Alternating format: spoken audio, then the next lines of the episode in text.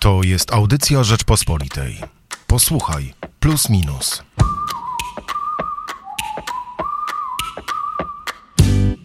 Mylne prognozy, nieprzekonująca nauka, strach intelektualistów. W najnowszym magazynie Plus Minus podsumowującym e, rok 2020 i starającym się wyjść trochę w przyszłość, piszemy o właśnie, właśnie kłopotach z przyszłością i kłopotach zarazem z nauką. Michał Płociński i Hubert Salik.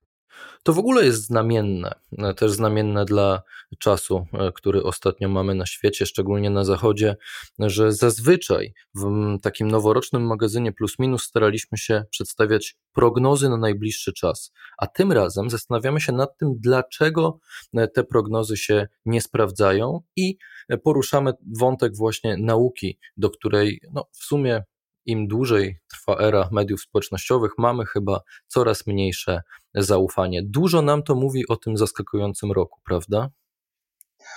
Tak, to jest rok, który, który najlepiej podsumować chyba e, właśnie tym, że te prognozy się nie sprawdzają, bo 2020 zaskoczył nas bardziej niż którykolwiek z jego poprzedników, przynajmniej w tym wieku.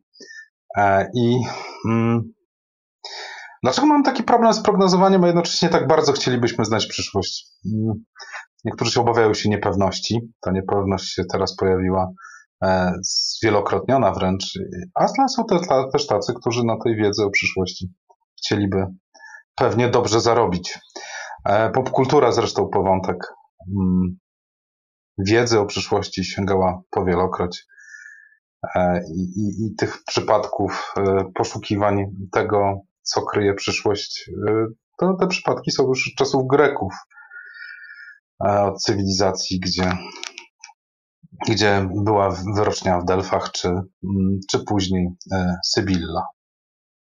Ale Michał Dobrołowicz w tekście otwierającym danie główne najnowszego plusa minusa e, pisze mimo wszystko o pożytkach z wróżenia z fusów. Najpierw e, opowiada, dlaczego nauki, szczególnie socjologia, mają taki problem z mm, metodologiczny tak naprawdę problem z wróżeniem z fusów i że wszy, całą przyszłość prognozują na podstawie obecnych trendów i obecnych zjawisk, a mogą przyjść przecież takie czarne łabędzie jak koronawirus i to nie zdarza się wcale, nie wiem, raz na 50 lat, tylko naprawdę e, często. E, no, na, przykład, jeżeli popatrzymy na różne zjawiska czy trendy, które w przeszłości uważaliśmy za kluczowe, o których dzisiaj nikt już tak naprawdę e, nie pamięta, no to moglibyśmy ich wymieniać i wymieniać. Wymienia je zresztą e, tutaj e, Michał Dobrołowicz, ale cały tekst jest tak naprawdę obroną tego strategicznego planowania, że my nie potrafilibyśmy tak naprawdę funkcjonować i podejmować decyzji, gdybyśmy nie mieli pewnych strategii, gdybyśmy nie przyglądali się naszej obecnej sytuacji i nie próbowali przewidzieć przyszłości. Myślisz, że trochę zmieni się to nasze planowanie przez to, że koronawirus tak mocno nas zaskoczył i że nie wiem, plan na przykład e, ten projekt e, Teoria e, Polska 2030, która powstała w 2009 roku zarządów Donalda Tuska, kompletnie się wysypały, to teraz nie będziemy tworzyć nowych takich planów, czy mimo wszystko to strategiczne planowanie właśnie paradoksalnie dzisiaj zyska, będzie poważniej traktowane, bo wiemy, jak bardzo byliśmy nieprzygotowani na e, no, zaskakujące jednak uderzenie pandemii. Przede wszystkim strategiczne planowanie wydaje mi się niezbędne, więc z pewnością, e, e, z pewnością się nie skończy. Jest potrzebne zarówno dla życia dużych organizacji czy instytucji, jak i dla nas na co dzień. My też planujemy, gdzie się udamy na wakacje. Co z tego, że nagle to wszystko Rozpadło się jak domek z kart. E, wszyscy marzymy o powrocie do normalności. E, szczepionki, e, które mm, zaczynają być również w Polsce wydawane, też dają taką nadzieję. Ale tak naprawdę na jakiej podstawie przewidujemy przyszłość? Tak naprawdę przewidujemy przyszłość głównie na podstawie przeszłości. I to z samej zasady i konstrukcji takiego przewidywania jest obarczone jakimś tam błędem. Oczywiście trudno znaleźć lepsze rozwiązanie niż przewidywanie e, przyszłości na podstawie zdarzeń przeszłych, dlatego że zdarzenia przeszłe tworzą jako, jakąś sumę doświadczeń, ale chyba najlepszym przykładem tutaj jest e, ekonomia, e, a już konkretniej ściślej biorąc rynek kapitałowy. Na rynku kapitałowym prognozowanie przyszłych trendów odbywa się głównie na poziomie analizy przeszłych trendów. Oczywiście jest tu zaprzęgnięta dosyć skomplikowana matematyka. Im bardziej się zagłębiamy w te warstwy analizy, chociażby analizy technicznej, E, tym bardziej, tym więcej jest tam matematyki. Ale tak naprawdę to są konstrukcje, w których e, porównujemy pewne korelacje zdarzeń. E, na trochę bardziej precyzyjnym, czy może na, na, takim próbkowaniu, które daje nam więcej informacji niż na przykład to, że motyl zatrzepotał skrzydłami w Amazonii i w tym czasie było trzęsienie ziemi w Chorwacji. Ale tak naprawdę. Mhm. Znaczy, poruszyłeś wątek szczepionki i mam wrażenie, że to jest ciekawy przykład, którego można się teraz przyczepić, jeżeli chodzi o nasze prognozowanie i przewidywanie, bo e, wraz z pojawieniem się pierwszej e, szczepionki e, na, wobec koronawirusa, to zyskaliśmy jakby wielkie nadzieje związane z nią i zaczęliśmy przewidywać, że ten świat rzeczywiście w najbliższym czasie, no może nie w najbliższym pół roku, ale w 2021 to już na pewno wróci do względnej normalności i nieważne, czy to będzie nowa normalność, czy stara, ale, ale jakąś normalność osiągnie. Czy nie masz wrażenia, że te nadzieje związane ze szczepionką są tak wielkie, że no niestety musimy się zawieść, że to nasze prognozowanie kolejny raz jest wypaczone właśnie e, naszymi nadziejami, potrzebami, obawami e, i że znowu sami prowadzimy się do złych prognoz, po prostu za dużo mamy tego chcieństwa w przewidywaniu przyszłości? Przede wszystkim to obniża niepewność. E, I myślę, że to jest potrzebne nie tylko społeczeństwu, ale też potrzebne dla pewnej stabilności psychicznej każdego z nas. Jeśli nie będziemy mieli nadziei i oczekiwań mm, wobec przyszłości, czyli nie będziemy budowali jakichś konstrukcji myślowych e, związanych z tym, co się może wydarzyć i jak my się w tej sytuacji odnajdziemy, nawet na jakimś takim podstawowym poziomie, e, to wtedy no, albo ogarnie nas, nas czy to społecznie, czy to pojedynczo, strach i obawy mm, i skończymy mm, psychoterapeutów, albo po prostu skończymy na, w ciągłym rozstroju nerwowym. Więc uważam, że to nieuniknione, ale nie na darmo istnieje powiedzenie człowiek planuje, a Bóg się śmieje, bo zawsze było tak, że te plany nie zawsze są realizowalne. Niełatwo jest zaplanować własne życie, chociaż istnieje w Polsce nawet taki cykl poradników, wywiadów z znanymi biznesmenami, którzy opowiadają, jak oni zaplanowali własną karierę. E, nie da się wszystkiego zaplanować, co oznacza, że nie da się wszystkiego przewidzieć, ale jednocześnie, jeśli nie będziemy się starali tego robić, no to polegniemy. No właśnie o tej potrzebie takiego myślowego bezpieczeństwa, takiej e, e, intelektualnej może wygody także, ale właśnie strachu przed niepewnością, przed e, niewiedzą, mm, traktują kolejne dwa teksty w plusie minucie. Mój wywiad z Markiem Migalskim i znakomicie udokumentowany tekst Piotra Kościelniaka pod tytułem Miękkie podbrzusze e, nauki, bo z jednej strony mamy te prognozy, e, które się nie sprawdzają, a z drugiej strony mamy jednak pewniki naukowe, e, które też są często podważane. Zresztą podważane często nie tylko przez jakichś antyszczepionkowców, czy jak dzisiaj mówimy, szurów foliarzy, ale jak pokazuje historia, no często, powtarza, e, e, często podważane przez samych naukowców, bo teoria naukowa się zmienia. Piotr Kościelniak często używa takiego sformułowania obecny stan wiedzy naukowej e, i przypomina poprzednie takie momenty historyczne, które dzisiaj są często wyśmiewane, traktowane jako właśnie dowód na to, że nauka się nie sprawdza, na przykład lata 70. i badania naukowe o wielkim zlodowaceniu, które nas czeka, o e, oziębieniu Ziemi, o nowej erze lodowej, okładki Newsweeka czy innych poważnych amerykańskich pism, które e, przestrzegały przed e, nową erą lodową, a chwilę później już pojawiły się nowe teorie i nowy obecny stan wiedzy naukowej, który mówił o globalnym ociepleniu. Dzisiaj już mówimy o zmianach klimatycznych, nie używając tego sformułowania globalne ocieplenie, ale jednak y, no, nie udawajmy, szczególnie w 2020 roku, że nie mamy pewnego problemu z wiarą w naukę i jak zresztą zauważa sam e, wywiadowany mm, doktor habilitowany Marek Migalski, politolog.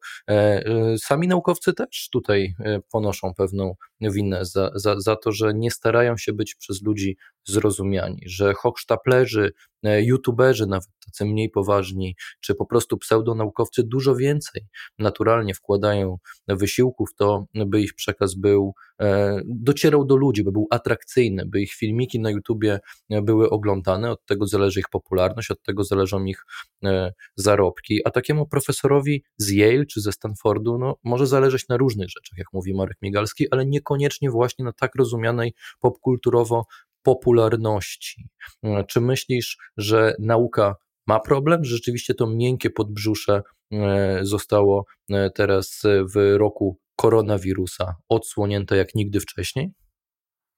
Mam wrażenie, że rozmawiamy o czymś, co jest takim odwiecznym problemem ludzkości.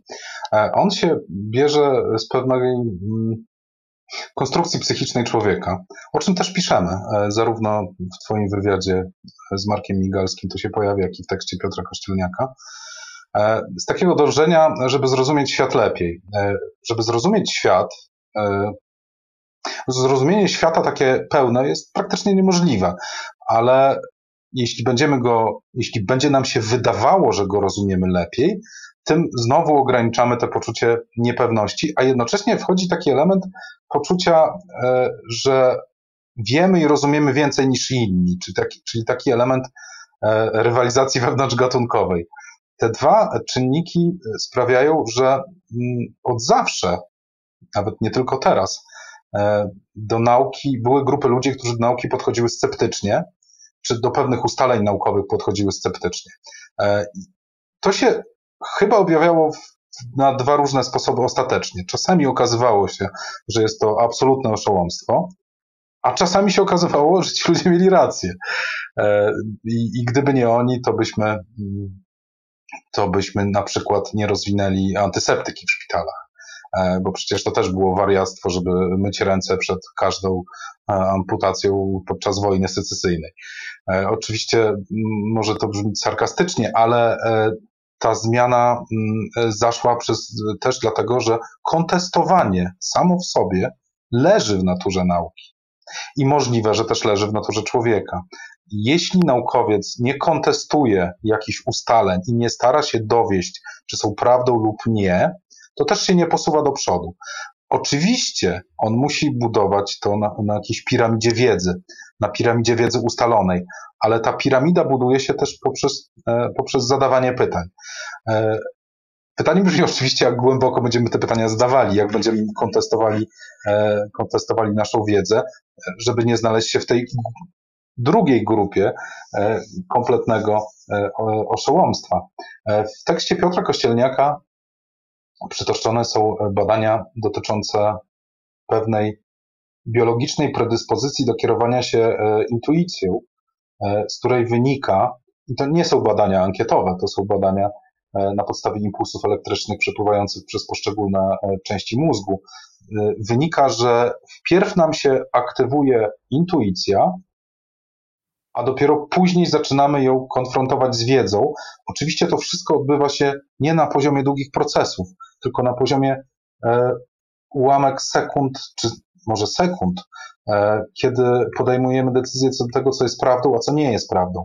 Czyli nawet jeśli nauczyliśmy się w szkole, e, że Ziemia krąży wokół Słońca, a ten przykład tam się przecież e, pojawia, to gdy widzimy taki obrazek, który nam to dokumentuje, to wpierw włącza nam się intuicja, że tak nie jest. Zwykle tak się, tak się dzieje. To wynika z badań, to nie jest przemyślenie dotyczące obserwacji, a dopiero później mózg sięga po wiedzę. E, I to może jest jakieś wytłumaczenie mm, tego y, procesu. Tak, to prawda. Kiedy y, badania mówią, że kiedy mm, widzimy mm, informację, która dociera do nas, kiedy dociera do nas informacja, która jest sprzeczna z naszym naturalnym instynktem, e, to rzeczywiście e, uaktywnia się wtedy e, tak zwana przednia kora zakrętu obręczy, czyli obszar odpowiadający za kontrolę błędów.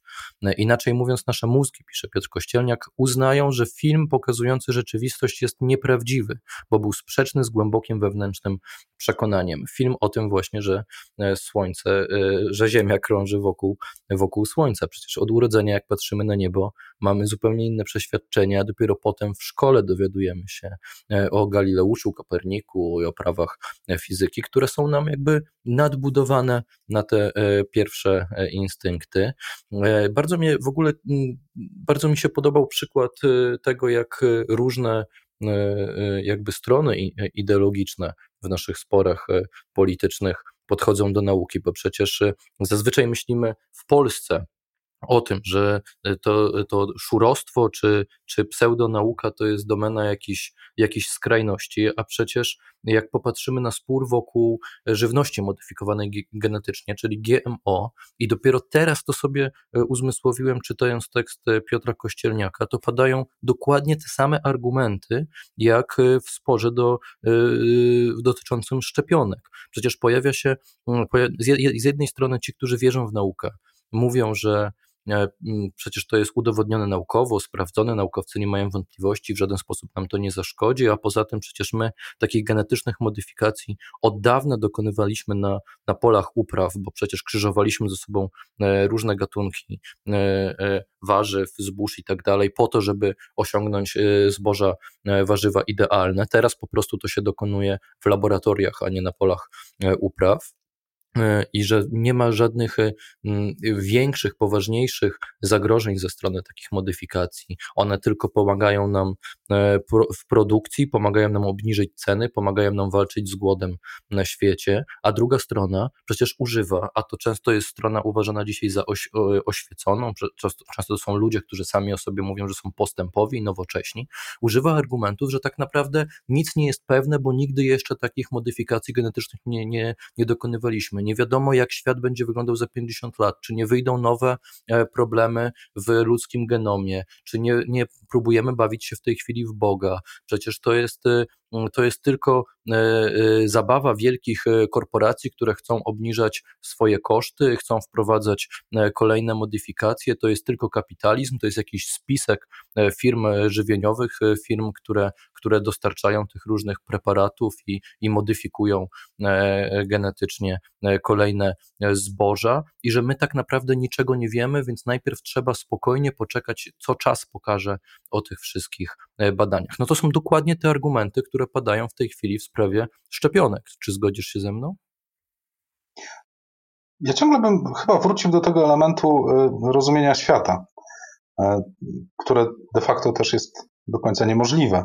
Świat można, można być jakąś wiedzę i można ją interpretować. Ale właśnie wiedza i interpretacja są chyba tutaj kluczowymi elementami, bo jeśli y, ludzie nie wiedzą niektórych rzeczy, jeśli wiele osób niektórych rzeczy nie wie, to wtedy e, dopisuje treści.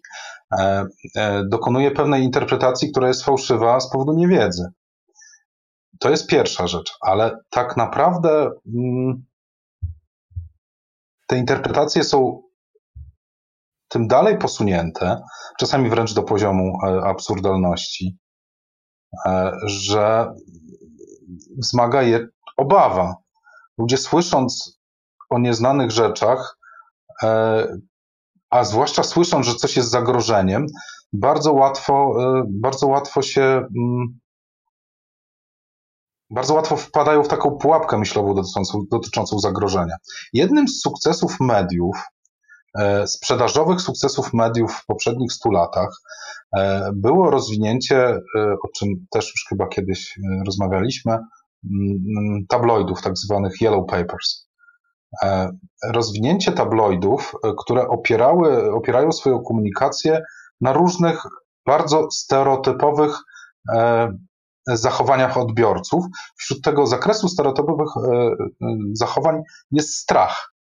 Obawa, że coś się zmieni, zawali, E, coś jest zagrożeniem, albo nagle zmieni się prawo i od jutra będziemy płacili e, większe podatki, albo, e, albo zdarzenie, które powodując ten strach, wpływa na postrzeganie świata ostatecznie odbiorców.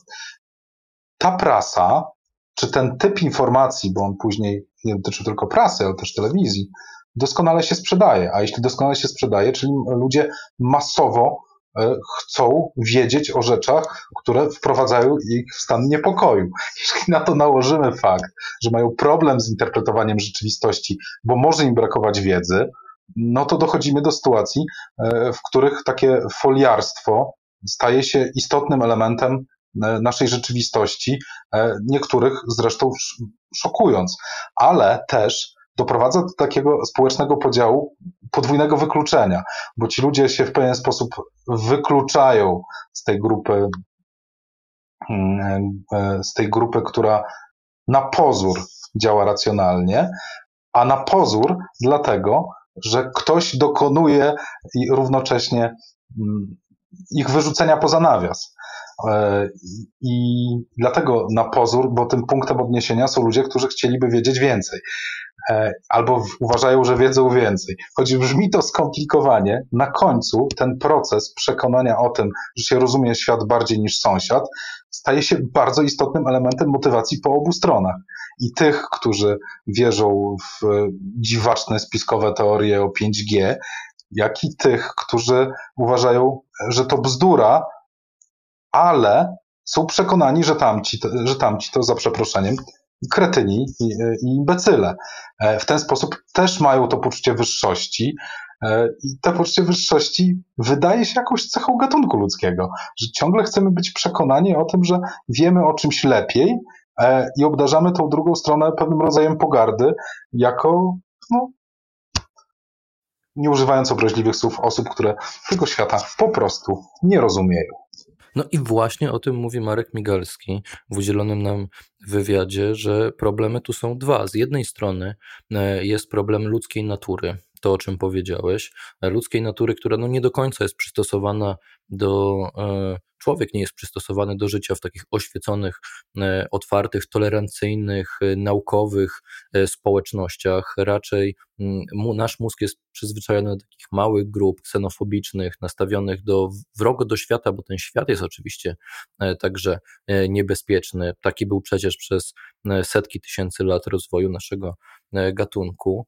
Ale zauważmy, że Marek Migalski i Piotr Kościelniak dochodzą w gruncie rzeczy do tych samych wniosków, że problemem jest e, ludzka natura i nasze pewne, może nie błędy poznawcze, ale pewne niedoskonałości, nieprzystosowanie do dzisiejszych realiów, a z drugiej strony pojawienie się mediów społecznościowych, tej demokratyzacji przekazu, demokratyzacji wiedzy. Ja bym tu dorzucił jeszcze od siebie że media społecznościowe w naturalny sposób żerują na niedostatkach ludzkiej natury, bo przecież nie zależy mediom społecznościowym, algorytmom na tym, żeby nas rozwijać intelektualnie, ale żeby nas jednak uzależniać czasowo od korzystania z tych mediów. Czyli zamiast szukać tych dobrych rzeczy w ludzkiej naturze, algorytmy, sztuczna inteligencja, czyli uczenie maszynowe, one szukają właśnie tych błędów, tych niedoskonałości, w jaki sposób można, można nas oszukać, zwabić, y, nakręcić do działania szukają e, tej emocjonalnej sfery działania ludzkiego mózgu, a nie tej intelektualnej.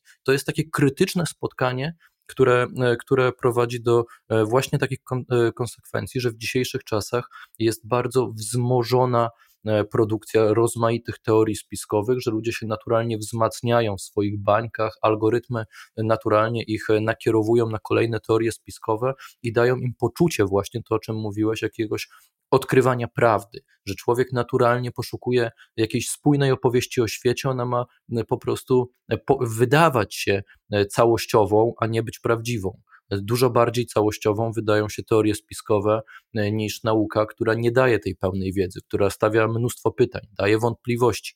No i budzimy się w roku 2020, kiedy pojawia się koronawirus, jest mnóstwo problemów związanych właśnie z pseudonauką i z pseudowiedzą rozprzestrzenianą, rozprzestrzenianą w mediach społecznościowych i jaką odpowiedź e, dają tutaj e, Marek Migalski i Piotr Kościel, bo obaj dają podobną odpowiedź. Nie wiem, czy to wyciągnąłeś z tych tekstów, ale pewnie tak.